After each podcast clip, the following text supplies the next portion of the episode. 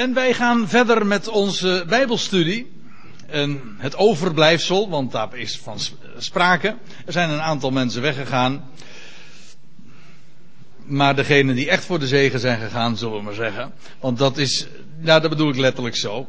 Zonder plagerig daarover te doen. Maar we willen vanmiddag echt wat meer speciaal inzoomen op dat begrip zegen. In eerste instantie nog even dat wat vanmorgen er niet meer bij kon vanwege de tijd over uh, de, zegen ook in, in de Hebreeuwse Bijbel. Maar vervolgens gaan we toch echt naar de apostel Paulus met name ook. En deze uitdrukking die kent u wellicht ook. We hadden het vanmorgen al eerder erover dat er zoveel termen in onze taal zijn die in feite ons direct linken aan bijbels gedachtegoed. De meeste mensen weten dat niet meer. Dat geldt trouwens ook voor een heleboel gebruiken. Ik bedoel, het is de decembermaand waarbij Sinterklaas gevierd wordt. En straks over een paar dagen de kerst wordt gevierd. Maar uh, er wordt van alles gezongen, er wordt van alles in huis gehaald. Waarvan sommige mensen dan zeggen van dat is allemaal heidens. En dan zeg ik van dat is allemaal tot je dienst. Maar die heidenen hadden dan toch wel een heleboel uh, overgebleven gekregen. Uh, overgehouden van, van wat uiteindelijk wel degelijk te herleiden is tot puur bijbelse waarheid. Mensen kijken nooit zo naar, een, naar zo'n kerstboom bijvoorbeeld. Nou, wat daar allemaal voor sprake uitgaat. Nou ja, wat ik er eigenlijk mee wil zeggen is, uh, wij kennen zoveel dingen in onze taal, in gebruiken. Je, komt, je loopt daar dagelijks tegenaan. En als je beter weet, ik bedoel, als je voorgelicht bent door het woord van God, ja, dan is het niet moeilijk om, om die dingen dan ook te herkennen. Je moet er ook uh, oog voor leren krijgen. Op een gegeven ogenblik zo is het tenminste mijzelf vergaan. Op een gegeven moment word je, ga, ga, je zo ook naar alles kijken en je wordt achterdochtig in de positieve zin van het woord. Je van, oh, daar zit natuurlijk veel meer achter. Zo, zo lees ik de Bijbel ook. Als, je, als, je, als je over dingen, als je op iets stuit waar je zegt, nou dat kan ik totaal niet plaatsen. Of details die zo merkwaardig zijn. Dan weet ik van, aha, nou moeten we opletten. Want hier zit veel en veel meer achter. Ongetwijfeld. Kijk, als je die gedachten niet hebt, dan lees je gewoon weer verder. Maar als je weet van Gods woord is onuitputtelijk, dat wil zeggen, je haalt daar nooit te veel uit. Er zit altijd veel meer in dan jij denkt. Als je met dat vooroordeel denkt, die, met, met die, aan, die aanname hebt, dan zul je veel meer ontdekken. Dan, dan word je bevestigd in dat wat Gods woord over zichzelf ook zegt. Uh, uh, wat Gods woord ook van zichzelf claimt. Maar zo'n uitdrukking, hè, aan heren zegen, is het al gelegen. Dus dat rijmt mooi in het Nederlands. Maar uh, het, het, is ook zo'n typische wandtekst. Maar het is, het is natuurlijk zo'n bijbelse waarheid. Want je kunt van alles hebben. En je kunt ook van alles doen. Maar zonder zijn zegen is het helemaal niets. Ver, hoe staat het in de psalmen? Uh, te het is te vergeefs dat gij s morgens vroeg opstaat of brood der smarten eet en laat naar bed gaat vanwege al je zwoegen enzovoorts. Waarom? Wel, als de Heer het zegent, als de Heer het huis niet bouwt, te vergeefs bouwen de bouwlieden daaraan. En als de Heer de sta stad niet bewaakt, te vergeefs wachten de wakers. Kijk, dat zijn, dat zijn zulke elementaire bijbelse waarheden. En je kunt van alles uit de kast trekken. En je kunt van alles menen te moeten doen en je veilig stellen. Het is allemaal pines. Het is stelt niets voor. Als je niet zijn zegen hebt. Aan zijn, aan Heren zegen is het al gelegen. Het herinnert trouwens direct aan dit woord. Aan uh, wat we in Spreuken 10 lezen. In de Statenvertaling versie iets, iets anders. Maar daar staat de zegen. Ik, ik, refereerde er al eerder deze dag aan. De zegen des Heren, die maakt rijk. Rijkdom heeft trouwens alles met zegen te maken. Van zegen word je echt rijk. En dan bedoel ik niet dit hoor, financieel. Want dat is niet eens echt de rijkdom. Hij is er nu niet meer, hij moest naar Drenthe toe. Maar mijn broer Dirk die vertelde vorige week, de vorige keer, twee weken geleden. Die haalde toen zo'n, um, de, de prins van Liac, was, hoe, hoe heette die ook alweer? Uh, ja, die Abraham van Leeuwen haalde die aan van, die, die kon het weten, want die was schathemeltje rijk, tenminste. Uh, die reputatie had hij. Uh, hij was multimiljonair, maar goed, die dacht zo. Ah, hij, stond net zeggen, hij stond net boven, boven jou in de quote, zeg maar. oh, het waren guldens. Oh. Ja, zeg dat er dan meteen bij, Huip. Nee, maar ik bedoel, die man die was, die was, had zo enorm veel. Maar die zei, eh, als ervaringsdeskundige van, ach, uh, uh, geld, dat is een, of rijk zijn, dat is een comfortabele manier om gelukkig. Nee, nee, het, is een comfortabele manier om ongelukkig te zijn. Ja, je bent dus dan heel comfortabel ongelukkig. Kortom, is mijn definitie van, van juist arm, armoede hoor. Je bent rijk, weet je wanneer? Wanneer je genoeg hebt. En, als, en al, al, heb je een dak boven je hoofd en je hebt eten en drinken en je bent gelukkig, dan ben je voor mij, van mij ben je dan echt rijk. En wat heb je als je multimiljonair bent en je loopt met zo'n gezicht en je ziet het niet zitten. En er zijn er wat hoor. Ik bedoel, dan heet, dan heet dat rijk, maar voor mij het is gewoon onzin, het is helemaal niet rijk. En dat heeft ook, daarom, rijkdom is, als je het helemaal beschouwt, en dat, dat los van geloof, dat moet iedereen erkennen wat ik nu zeg, dat uh, rijkdom feitelijk een geestelijk begrip is. Dat zit niet, rijkdom zit niet in je portemonnee, rijkdom zit hier. En als het hier niet zit, dan kun je hebben in je portemonnee wat je wil, maar het is volstrekt ijdel en leeg. Niks, het houdt niets in. Ja, het is comfortabel, inderdaad. Maar meer ook niet. Goed, de zegen, maar dan is het zo mooi. De zegen van de Heere, die maakt rijk. En zwoegen je geploeter voegt er niets aan toe. Het is het ABC van de hele Bijbelse boodschap. God geeft om niets. En wij doen wel dingen, maar het is om niet. We ontvangen. Dat maakt echt rijk. Hij geeft de dingen. Hij belooft ook. Goed, we zullen het daar zeker zo nog wel uh, over hebben. De eerste keer dat we het woord zegen tegenkomen, dus ik, ik, ja, ik hecht daar toch altijd nog wel eens een keer aan. Ik zeg altijd, de sleutel hangt bij de deur. De Engelsen zeggen, the key hangs at the door. En dat betekent, en daar bedoelen ze mee, van dat als daar waar je binnenkomt, daar zit meteen de sleutel. De eerste keer dat de Bijbel een begrip noemt, dat blijkt vaak ook meteen de sleutel al te zijn. Dat is al heel typerend voor, het, voor de rest van het gebruik. De eerste keer dat zegen en vloek tezamen genoemd worden, dat is typerend voor de alle andere keren dat uh, die begrippen tezamen genoemd worden. Nou, de eerste keer dat we zegen vinden in de Bijbel, dat is meteen eh, in Genesis 1 al raak. En daar lees je in vers 22. En God zegende ze. En dat gaat, dit is de, de vijfde dag. De vijfde dag, ja. De eerste keer dat de zegen genoemd wordt.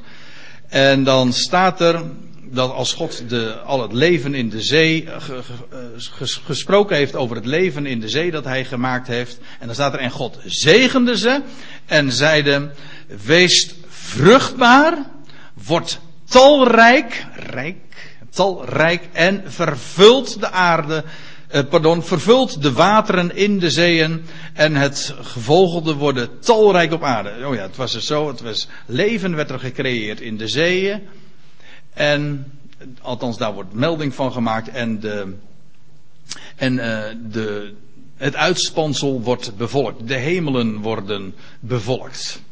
Mooi over de vijfde dag. heeft alles trouwens ook met deze tijd te maken waarin God leven in de volkerenzee creëert. Eigenlijk uitroept. Over dat sleepnet trouwens gesproken. Maar tegelijkertijd bestemd voor de hemel.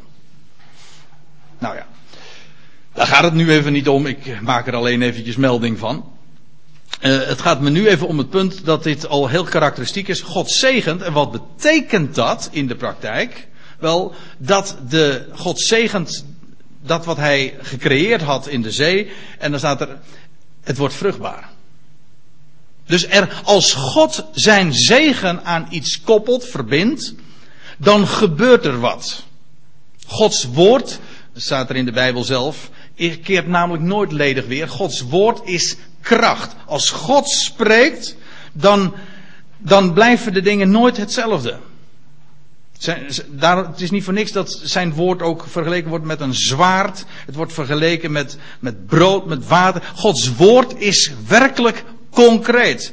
En alle dingen zijn uit het woord voortgekomen. Als God zegen, dan gebeurt in dit geval, het wordt vruchtbaar, het wordt talrijk. Het heeft, het heeft te maken met rijkdom. En de wateren worden vervuld in de zee. En het gevolgde worden talrijk op de aarde. Rijkdom. En dat zie je trouwens in heel de Bijbel.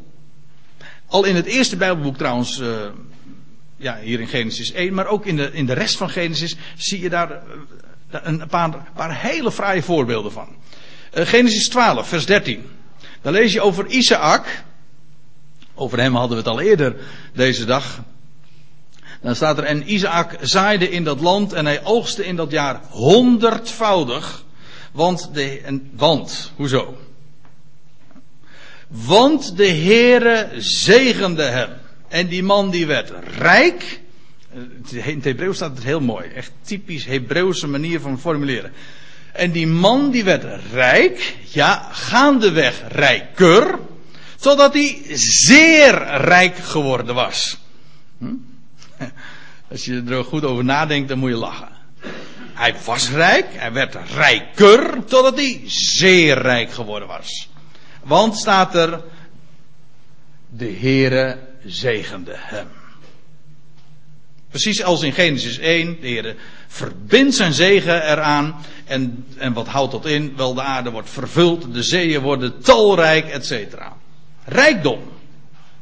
Trouwens, waar hadden we het net over? De zegen des die maakt rijk. Ja. Met in het achterhoofd houden wat echte rijkdom is. Eventueel, zoals hier in dit geval ook, werd hij materieel ook nog steenrijk. Dat hoeft helemaal niet. Want ik zei al, dat is niet wat rijkdom echt is. Echte rijkdom zit hier. Goed, eh, ik lees even verder.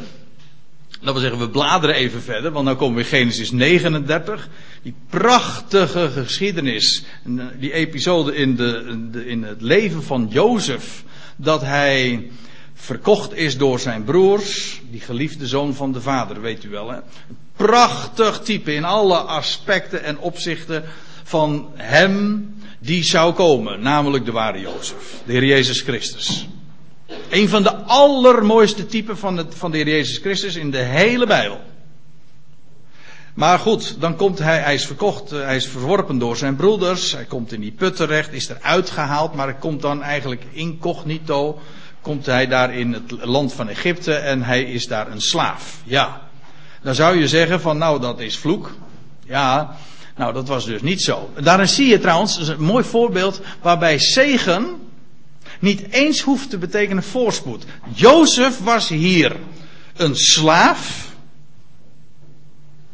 Maar staat er, van het oog, zo komt hij in het huis van Potifar. Hè, en van het ogenblik af dat hij hem, hij is Potifar, hem, dat is, dat is Jozef, over zijn huis en over al wat hij bezat, bezat had aangesteld, zegende de Heere het huis van de Egyptenaar om Jozefs wil. Dus Jozef die kwam daar, en de Heere die zegent hem, en daarmee meteen ook alles wat hij, waar, waar die mee in verband stond. Gewoon ter wille van Jozef. Even in, en dan moet u voor uzelf nog maar eens eventjes daarover nadenken. Uh, Jozef als type ook van de Heer Jezus Christus. Die nu ook uh, in de gevangenschap is, maar in dat huis van bewaring, ja, want dat was feitelijk dit ook al, uh, gezegend wordt. Maar allen die in het huis zijn, worden gezegend. Ja. Goed, en, maar dan lees ik even verder. Dan staat er, uh, de Heer zegende het huis van de Egyptenaar, om Jozefs wil. De zegen des Heren, die rustte op alles wat hij had. Dat was ook zo'n uitdrukking die we in het Nederlands hadden, waar we het uh, vanmorgen over hadden, over ergens rust een zegen op, of ergens rust een vloek op.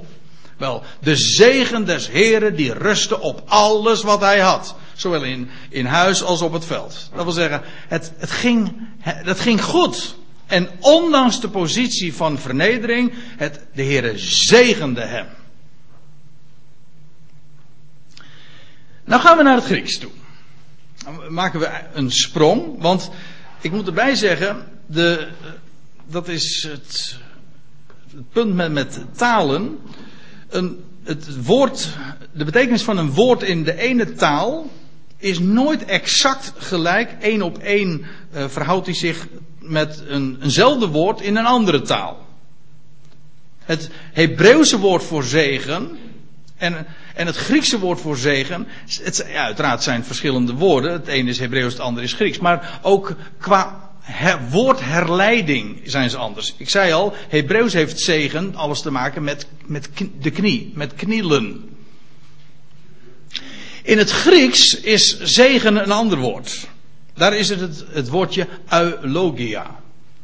En dat betekent letterlijk wel uh, spreken. Iets over, goed over iets spreken. Dat is zegen. Dat is een andere woordafleiding. Dus in het, in het Grieks is, heeft het woord zegen een ander. Ook al is, is het, uh, het hetzelfde woord als het, het Hebreeuwse woord. Hè. Dat wil zeggen, als de, de Grieks, om, het even concreet te maken. Als de Griekse vertaling, de Septuagint, dat Hebreeuwse woord overzet. Eh, dat Hebreeuwse woord barak overzet, dan is het eulogia. Maar daarmee is niet gezegd dat de woorden dus exact één op één staan.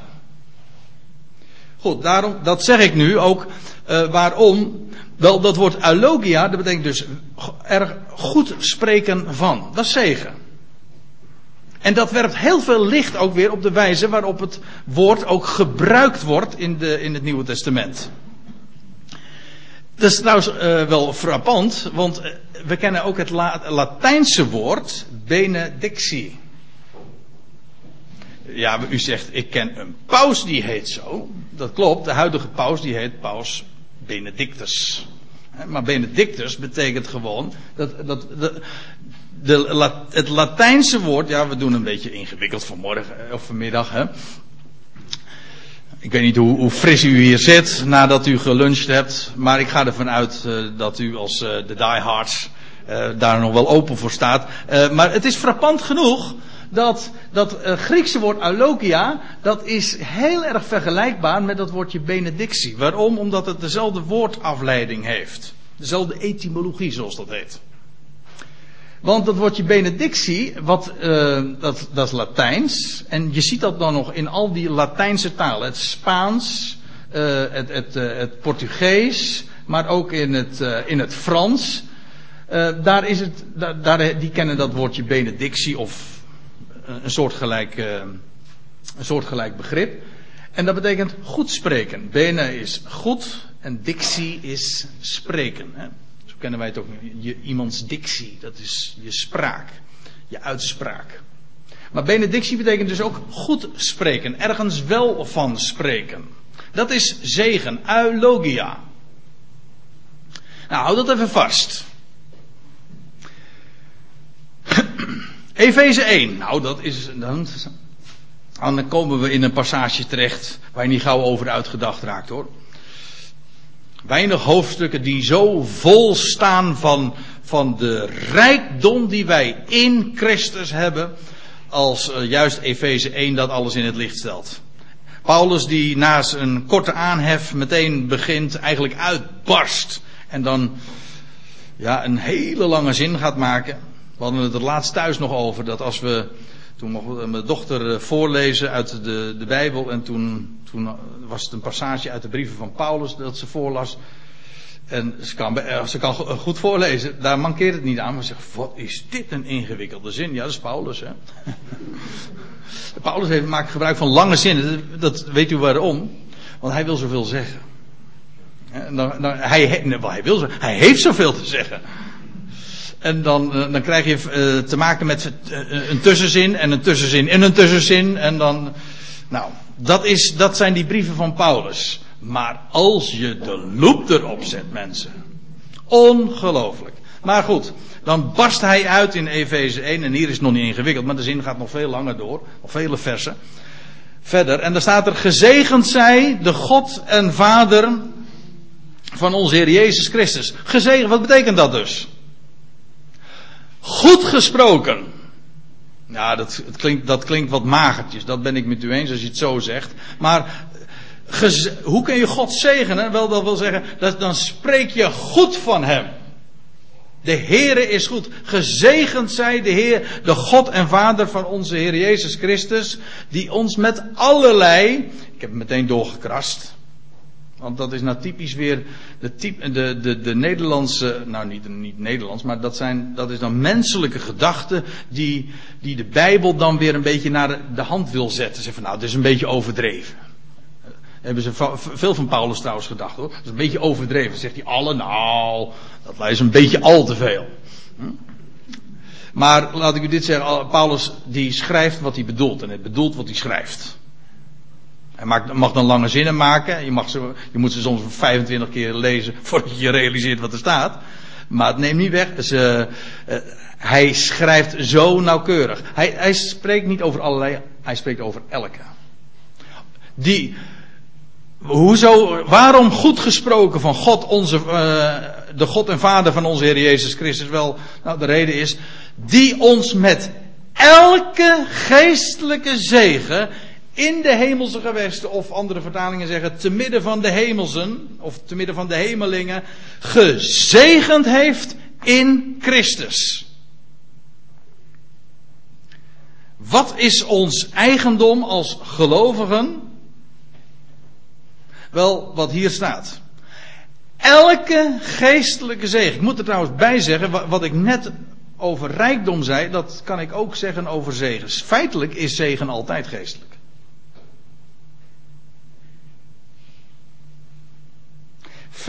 Een zegen is altijd geestelijk. De reden daarvoor is een hele eenvoudige. Het heeft namelijk te maken met waar wij in ons hart goed over spreken.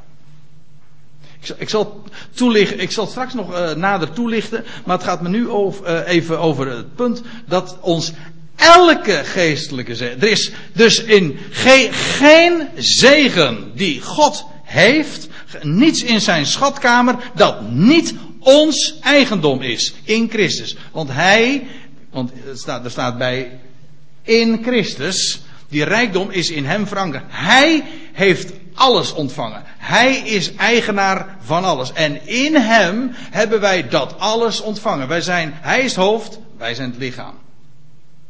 En er is niets in, van al die schatten van rijkdom die aan hem zijn toegekend.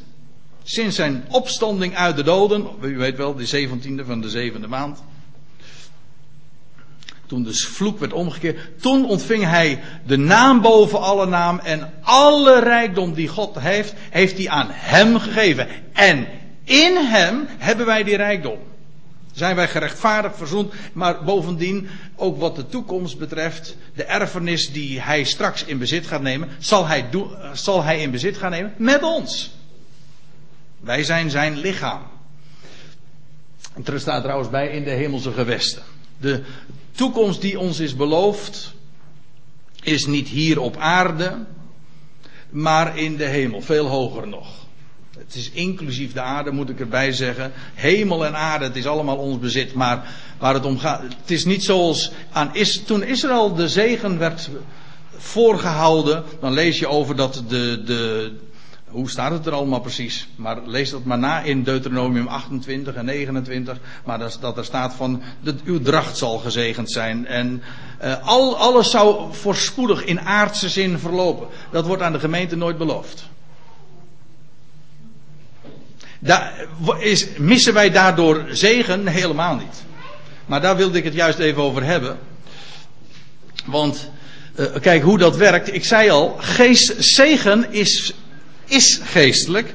En ik wil u meenemen naar 2 Korinthe 12. Daar schrijft Paulus, nadat Paulus uh, uh, verteld heeft, dat is in het voorgaande van, van vers 9, dan zegt hij, hij had gezegd dat hem een doorn voor het vlees was gegeven. We gaan het nou helemaal niet hebben over die vraag wat die doorn voor het vlees was. Sommige mensen denken aan een ziekte, maar daar denk ik helemaal niet aan. Maar dat, gaat, dat is nu het onderwerp niet. Het was een, een engel van de tegenstander, een boodschapper van de tegenstander die hem met vuisten sloeg. Dat was het. Dat verzin ik niet, dat staat er gewoon bij hoor. Maar goed. En dan, dan lees je dat Paulus tot drie keer toe de Heere heeft gebeden of die van hem zou mogen afhouden. Of, dat, of de Heere dat hem zou willen wegnemen.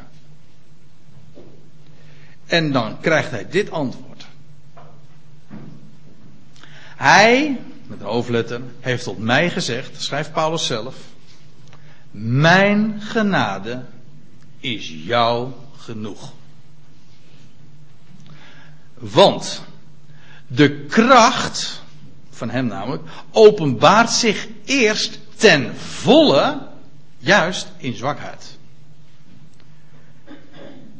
En daarom uh, vervolgt Paulus en concludeert hij daaruit. En heeft hij, ja, het is maar niet alleen een logische conclusie, Paulus heeft dat geleerd. Het is de consequenties van die waarheid. Hij zegt, dus, zeer gaarne zal ik dus in zwakheden nog meer roemen. Roemen, hé, hey, dat is. Nee, hier wordt niet het woordje alogia gebruikt. Maar roemen, dat is ook. Wat, wat is roemen? Eh, je beroemen, dat is ergens goed van spreken. En Paulus zegt van, dus zal ik nog meer roemen, goed spreken, opdat de kracht van Christus over mij komen.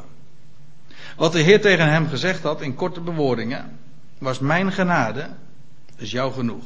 Alles wat jij nodig hebt, dat geef ik jou. Dat geef ik jou. Dus jij bidt mij om iets van je weg te nemen. Zoals wij vaak bidden dat de Heer iets ons zou geven. Maar, dan gaat het, maar de Heer zegt gewoon: ik geef, ik geef jou mijn genade en dat is genoeg. En dat is lastig in het leven soms. Juist als je met dingen top. Paulus stopte hier met die, met die doorn voor het vlees. En eigenlijk is het wel mooi dat we even niet weten wat het is. Want dat betekent namelijk dat, het, uh, dat, dat we ons daar allemaal in herkennen.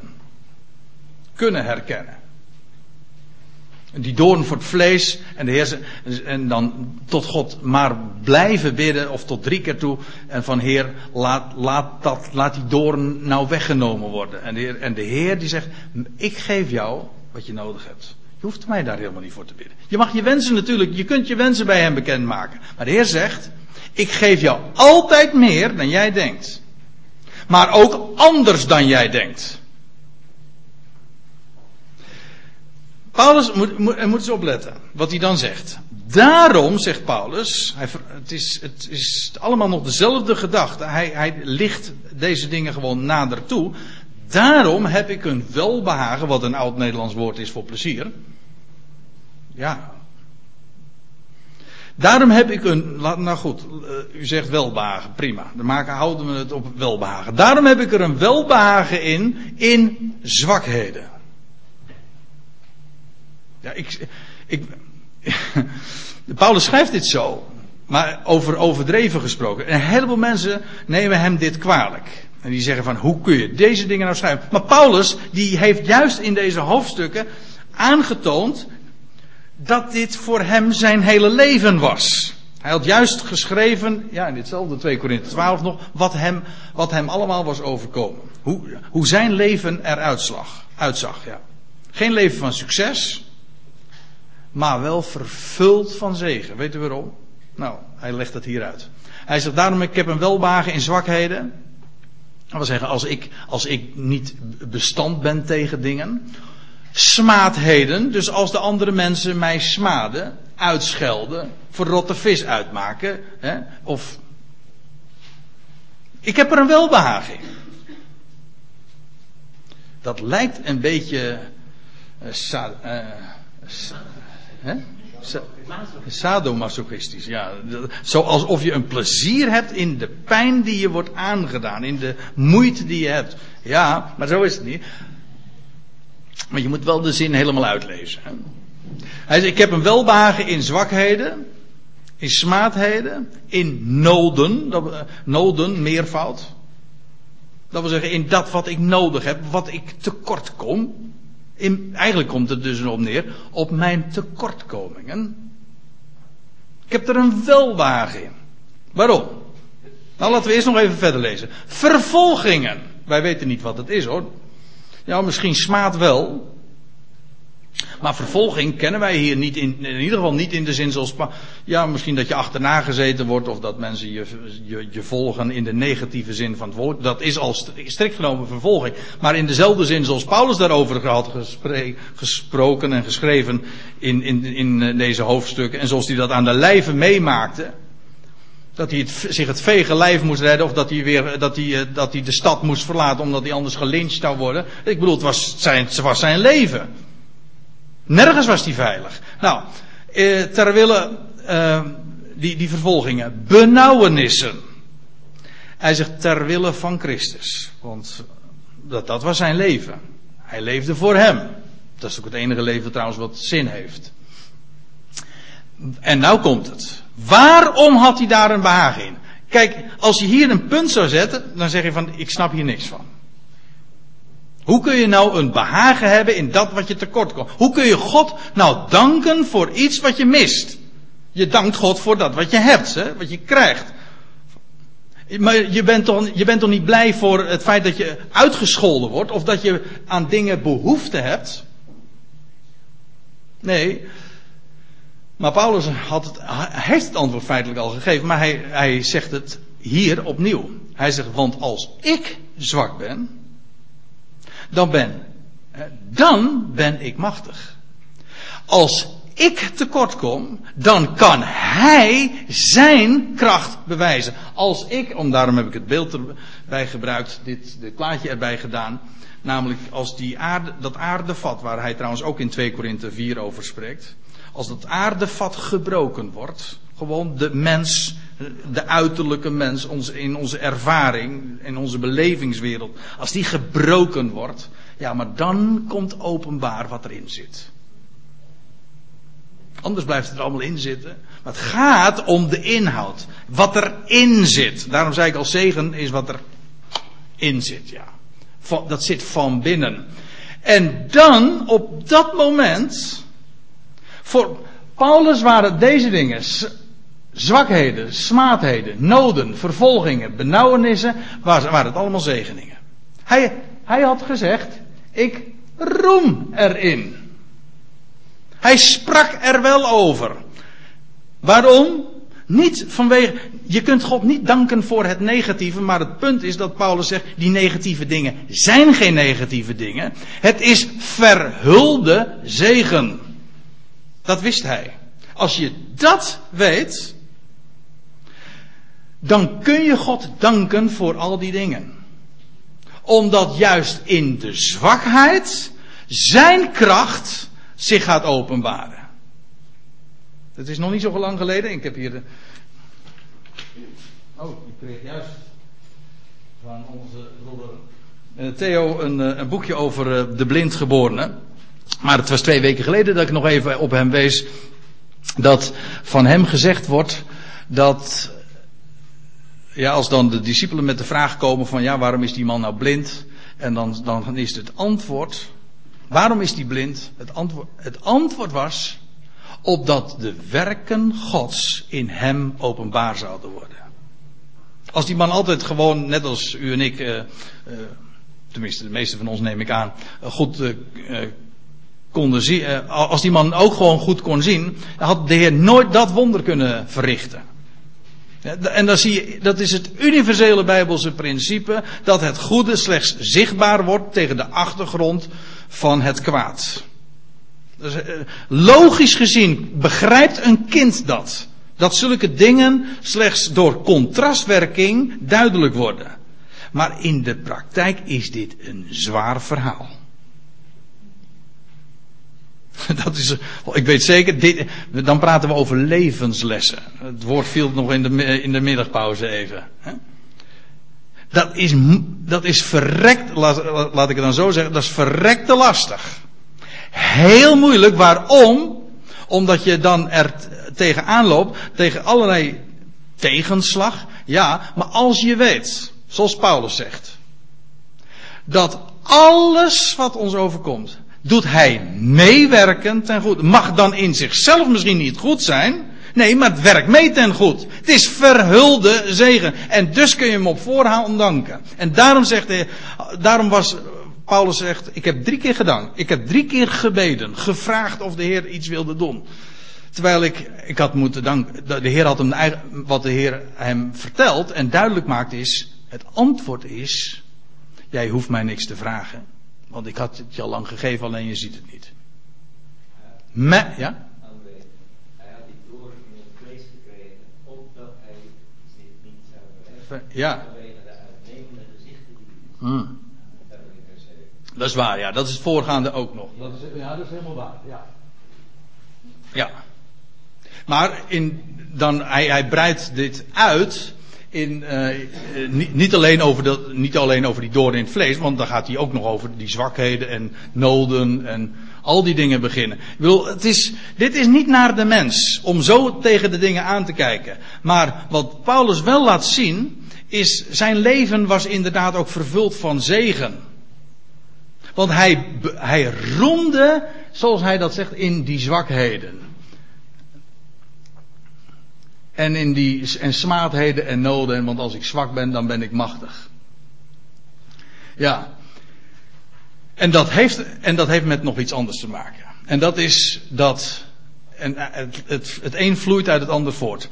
Want het punt is, een zegen in de Bijbel is in wezen hetzelfde als dankzeggen. Ik zei al, zegen heeft te maken goed spreken over dingen. Maar wat je ziet, en ik zal, een, ik zal een twee voorbeelden geven, of misschien drie, dat weet ik even niet meer, maar in ieder geval hier 1 Korinthe 14, daar schrijft Paulus, ja, het, het, specifieke verband doet nu even niet de zaak, het gaat over de bijeenkomst van, van gelovigen, en dan zegt hij, want anders indien gij een zegen uitspreekt met uw geest, hoe zal iemand die als toehoorder aanwezig is, op uw dankzegging zijn amen spreken. Het gaat hier over een, een onverstaanbare taal spreken. Ja, hoe, hoe, kan iemand daar amen op zeggen? Maar het gaat mij even om een specifiek punt, en namelijk dat hier gesproken wordt over iemand die een zegen uitspreekt. Ziet u? En dan vervolgens staat, hoe zal iemand die als toehoorder aanwezig is, op uw dankzegging zijn amen spreken? Met andere woorden, die zegen, dat is die dankzegging. Zegen is dankzeggen. Wat doe je bij danken? Dan spreek je toch goed van dat wat je ontvangt. Dat is de zegen. De zegen is dat je God ervoor dankt. Dat betekent trouwens, strikt genomen ook, dat als je God niet kent, dus geen zegen hebt. Dan, dan, kun je van alles hebben, maar een zegen is het niet. Een zegen is het pas wanneer je God dankt. Ik zal nog een voorbeeld geven. Het is heel, ook een fraai hoor. Dat is de geschiedenis van de, van de vermenigvuldiging van de broden. En dan lees je dat Johannes 6, Jezus dan nam de broden, dat, dankte. Weet u voor hoeveel trouwens? Juist, ja. Dat waren maar vijf broodjes. En het waren met twee visjes. En, en dat was de moeite niet. Er moesten duizenden mensen, die waren daar en die moesten gevoed worden. En die gingen, waren allemaal gaan zitten. Er was niet meer. En de Heer die dankt voor die vijf broden. We hadden het over tel uw zegening, hè? Daar, daar, daar zongen we over. Weet je wat wij doen? Wij tellen dat wat we niet hebben. Nee, de Heer die dankt gewoon voor dat wat daar beschikbaar was. Hij weet dat op het moment dat je God dankt, dan wordt het een zegen. En als het een zegen wordt, dan verandert alles. En hij dankte, staat er, en hij verdeelde ze onder hen. En die, nee, ik moet het anders lezen. Hij dankte en verdeelde ze onder hen die daar zaten, evenzo van de vissen, zoveel ze wensten. Dat is de wijze waarop de Heer zegent. Hè? Die geeft zegend in overvloed. Maar nu moet je eens even opletten. Hier staat dus de Heer die dankte. Maar als je het een parallel gedeelte bekijkt, In een andere evangelie, waar je dezelfde geschiedenis leest, ook van de vermenigvuldiging van de broden, dan lees je in Marcus 6, vers 41. En hij nam de vijf broden en de twee vissen. Hij zag op naar de hemel, want al, u weet het, alle zegen komt van boven. Hij zag op naar de hemel. Hij sprak de zegen uit en hij brak de broden. Het ene Bijbelboek staat, hij dankte. En in het andere Bijbelboek staat, hij sprak de zegen uit. Met andere woorden, dat danken is hetzelfde als de zegen uitspreken. De, dankzeg, de zegen is gelegen in de dankzegging. Dat is de zegen. Een gezegende maaltijd is een maaltijd waarvoor je dank zegt. En, maar dat betekent ook dat alles op deze wijze een zegen kan worden. Zelfs, zegt Paulus, vervolgingen, smaadheid, moeite, etc. Al die dingen kunnen zegen worden. Waarom? Omdat Gods kracht juist ook in die dingen openbaar wordt. En dan verandert in feite alles. Het is net als met een. Het is alles wat aangeraakt wordt met dankzegging, wordt een, een zegen. Dat is de zegen zelfs. Zolang je God niet dankt, is er geen zegen. En op het moment dat je God gaat danken, dan verandert het in een zegen. Wordt het ineens heel anders. Dan ga je er goed van spreken, omdat je het uit zijn hand krijgt. En dan moet ik er meteen bij denken dat dankzegging in de Bijbel, dat is eucharis. Dat, dat wordt je charistische genade. Maar feitelijk is het vreugde. Charis is, de stamwoord is vreugde. Dus dan zie je uh, dat het alles nog weer te maken heeft met blijdschap en met vreugde, met zegen, met rijkdom. De zegen is gelegen in de dankzegging. Ja. Nou gaan we naar, uh, tenslotte naar Galaten 3. Waar Paulus het ook weer gaat hebben over Abraham, waar wiens naam al eerder gevallen is deze, deze, deze dag. En Paulus laat in Galaten 3 ook zien oh, wat, wat, de zegen van Abraham. Hij heeft ook over de vloek. Trouwens, in Galaten 1 had hij al eerder gezegd, had hij ook gesproken over dat anathema. Vervloekt, hè? Vervloekt is uh, degene die een ander, een ander evangelie predikt. Dat wil zeggen, afwijkend van wat wij u verteld hebben. Ja, daar was Paulus niet misselijk hoor, in zijn, in zijn bewoordingen. Want het evangelie dat hij sprak, dat was een evangelie van genade. En wijk je daarvan af. En is het geen, dan is het, ook als, al, al wijk je maar, maar 5% ervan af, dan is het genade geen genade meer. Genade is, betekent gratis. En ik zeg het nog een keertje, want ik heb het al veel vaker in deze samenkomsten verteld. Maar ik word niet moe om dat te herhalen. Een beetje genade bestaat niet. Het is gratis of het is niet gratis. En daarom zegt Paulus, en ieder die een ander evangelie verkondigt, af wij, al was het een engel uit de hemel. Nou, overtuigender kan het toch niet, zou je zeggen. Of hij zegt, hij zegt zelfs, al zouden wij u een evangelie verkondigen, dat wil zeggen, al zouden we van inzicht veranderen, hij zei vervloekt. Daar, dat, wat betekent vervloekt? Daarin is geen zegen. En zo'n, eh, zulk evangelie wordt er zoveel gepredikt hoor, moet ik zeggen. Dat geen evangelie is dus. Waar trouwens, waarbij de essentie vaak ook is dat men predikt dat God verdomt. Sorry als ik het misschien wel erg hard aankomt, maar dat is dan wat men zegt. Op het moment dat je dat, die boodschap hè, van verdoemenis. Want dat is toch wat vloeken is. Dat, u zegt vloeken in de kerk. Nou, er wordt zoveel gevloekt in de kerk, denk ik wel. Ja, ik weet dat als je vertelt dat God de redder is van alle mensen, dat dat als een vloek geldt. Maar in wezen wat er verteld wordt van een God die verdomt en verdoemt tot in eeuwigheid, dat is een vloek. Dat is een boodschap waarbij de mensen vervloekt worden en niet gesproken worden over de God die werkelijk doet wat hij belooft en aanzegt te zijn, namelijk een redder te zijn van deze wereld. Dat is het evangelie. Dat er, dat er de steen werd weggewenteld, dat er leven aan het licht kwam voor heel de schepping. En waarbij God de vloek omkeert in zegen. En de dood verkeert in leven dat sterker is. Opstandingsleven. Kijk, dat is zegen. Dat is evangelie. En alles wat er aan afdoet is in wezen vloek.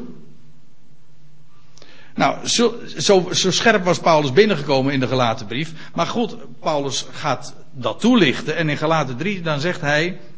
Ik val een beetje midden in het betoog. Maar goed, dat kan niet anders. Dan schrijft Paulus, hij zegt op dezelfde wijze heeft ook Abraham, inmiddels met een H erbij, hè, want zijn naam was groot gemaakt, eh, heeft Abraham God geloofd. Dat wil zeggen, die onvoorwaardelijke belofte. En het is hem tot gerechtigheid gerekend. Paulus heeft het zo vaak daarover. Die machtige geschiedenis, of dat verhaal dat Paulus, dat, uh, dat Abraham naar buiten gaat en, en, en naar de sterren kijkt en dat hem wordt aangezegd, zo zal jouw nageslacht zijn.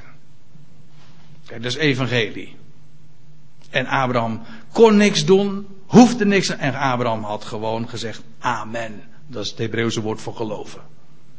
Abraham beaamde God. U zegt het. Ik snap het niet. Ik maakt het ook niet uit. Maar u bent God. En Abraham beaamde God. En dat honoreerde God. Waarom? Omdat daarmee Gods woord bevestigd werd. Niet tegengesproken wordt, maar u zegt het. Amen. En dan vaar je, daar, vaar je altijd wel bij. Ja. Over welvaart gesproken. Welvaartsevangelie. Ja, zeker. Daar vaar je wel bij hoor.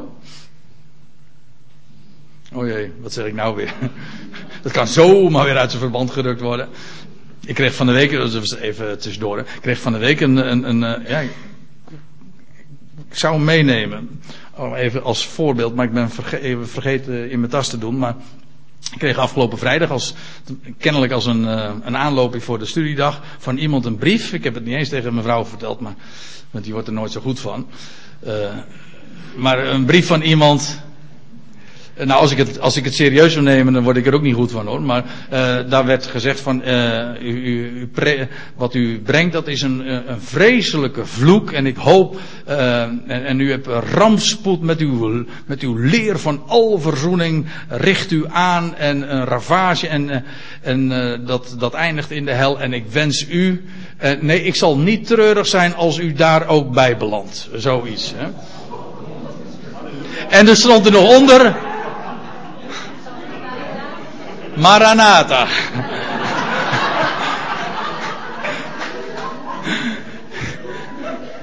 Nee, dat stond er niet onder. Weet je wat eronder stond? Ik zal het u vertellen. Er stond onder M. Nee, nee, nee, MV. Dat met vriendelijke groet. Ja, echt waar. Ja, echt waar. Het stond erom met vriendelijke groet. Maar ik weet, het was gewoon een vervloeking, ja. Maar, sorry? Met vijandelijke groet. Oh ja, ja. Ja, ja daar komen we nooit achter.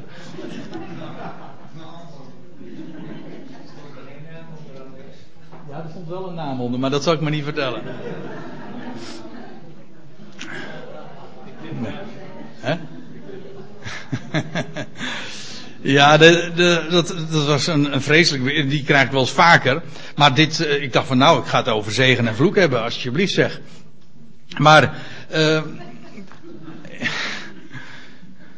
waar hadden we het over? Oh ja, over, die, over de, de verdoemenis die men predikt, ja. Ja, over verhulde zegen, ja.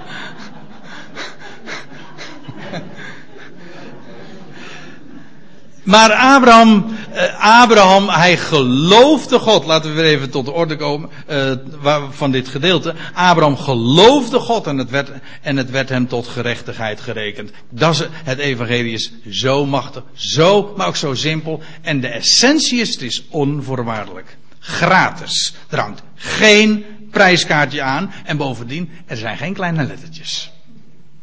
Waarbij je bij nader inzien dan er toch weer voor moet betalen. Want dat is de grote ellende ook in het algemeen. in, uh, in, de, in de boodschap, in, de, in zoveel prediking. Want dat wat in Galaten gebeurde, u zegt van ja, dat was 2000 jaar geleden in de dagen van Paulus. Ja, maar feitelijk dat wat toen in Galatië plaatsvond, dat heeft zich als een olievlek verspreid over de hele christenheid. Zo'n boodschap, waarbij genade en wet, geloof en werken vermengd is. En Paulus is daar niet mals in. Hij zegt dat is geen evangelie. En het is waar. Het is geen evangelie, maar je wordt er niet blij van. En weet je waar je blij van wordt? Van een God die je gewoon om niet geeft en, en belooft. En alles voor zijn rekening neemt. En daarbij all inclusive is. De zegen, hè? Goed. Want wat had, uh, ik lees even, ik sla één vers over en dan staat er in vers 8 van Galaten 3 en de schrift. Oh, ik zie dat het altijd is, joh. Maar en de schrift die tevoren zag dat God de heiden uit geloof rechtvaardigt, heeft tevoren aan Abraham het evangelie verkondigd. Ja, Abraham kende het evangelie ook. Namelijk in u, in u en in uw zaad zullen alle volkeren gezegend worden. Alle volk, dat was het evangelie, dat Abraham te horen kreeg. Hij dacht dat hij, later heeft hij nog gemeend dat hij daar ook God nog een handje bij moest helpen. En het was allemaal ballast. Ja, want hij kreeg er de, met het hele gedoe heeft hij nog, uh, nee, daar is hij nog lang door achtervolgd. Hè? Met, die, met, met Hagar, met de Sinaï enzovoort. Nou, Paulus legt dat allemaal uit en laat ook de typologie daarvan nog zien. Goed, uh, ik moet nu echt doorgaan. Gelaten 3 vers 9. En zij dan die uit geloof zijn, dat wil zeggen, geloof in de Bijbel betekent altijd aannemen dat wat God belooft. Gehoor geven op wat Hij toezegt. Niet doen wat Hij aan opdracht geeft, dat is wet.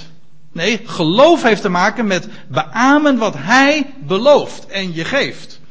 Zij die uit geloof zijn, worden dus gezegend, tezamen met ooit de gelovige Abraham. Want staat er, alle die het van de werken van de wet verwachten, liggen onder de vloek. Er staat niet alle die de wet breken of zo. Nee, er staat allen die het van, ervan verwachten. Dat wil zeggen van het zelf doen. Dat, is, dat, is, dat zijn de werken van de wet. Alle die het van de werken van de wet verwachten, die liggen ook onder de vloek. Dat wil zeggen, die missen de zegen van het, de belofte van God. Die namelijk om niet zegt, aangeeft. En dan staat er, want er staat geschreven, vervloekt is een ieder, ja dat is de wet hè. Vervloekt is een ieder die zich niet houdt aan alles wat geschreven is in het boek der wet om dat te doen.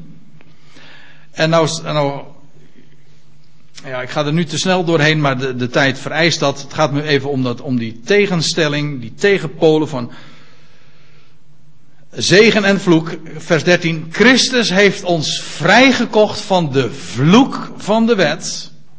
Door voor ons een vloek te worden. Want, dat is ook weer zo'n prachtige typologie die Paulus daarbij eh, invoert. Want staat er al geschreven in de wet. Vervloekt is een ieder die aan het hout hangt. Ja. Zo is dan de zegen van Abraham, zegt Paulus, van uh, de zegen van Abraham, dat wil zeggen de zegen die aan hem beloofd is,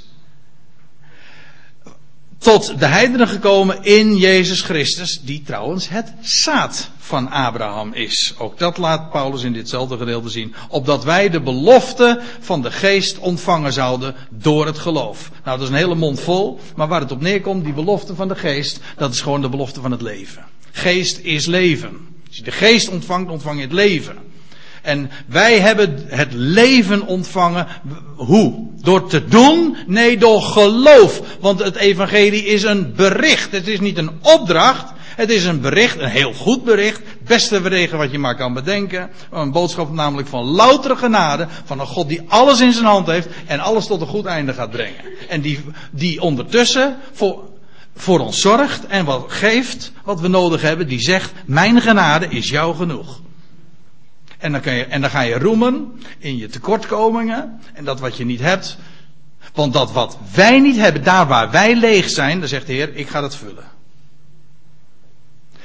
En daardoor staat er, zo is de zegen van Abraham, die was, die was echt rijk hoor. Ja, ik bedoel alle opzichten.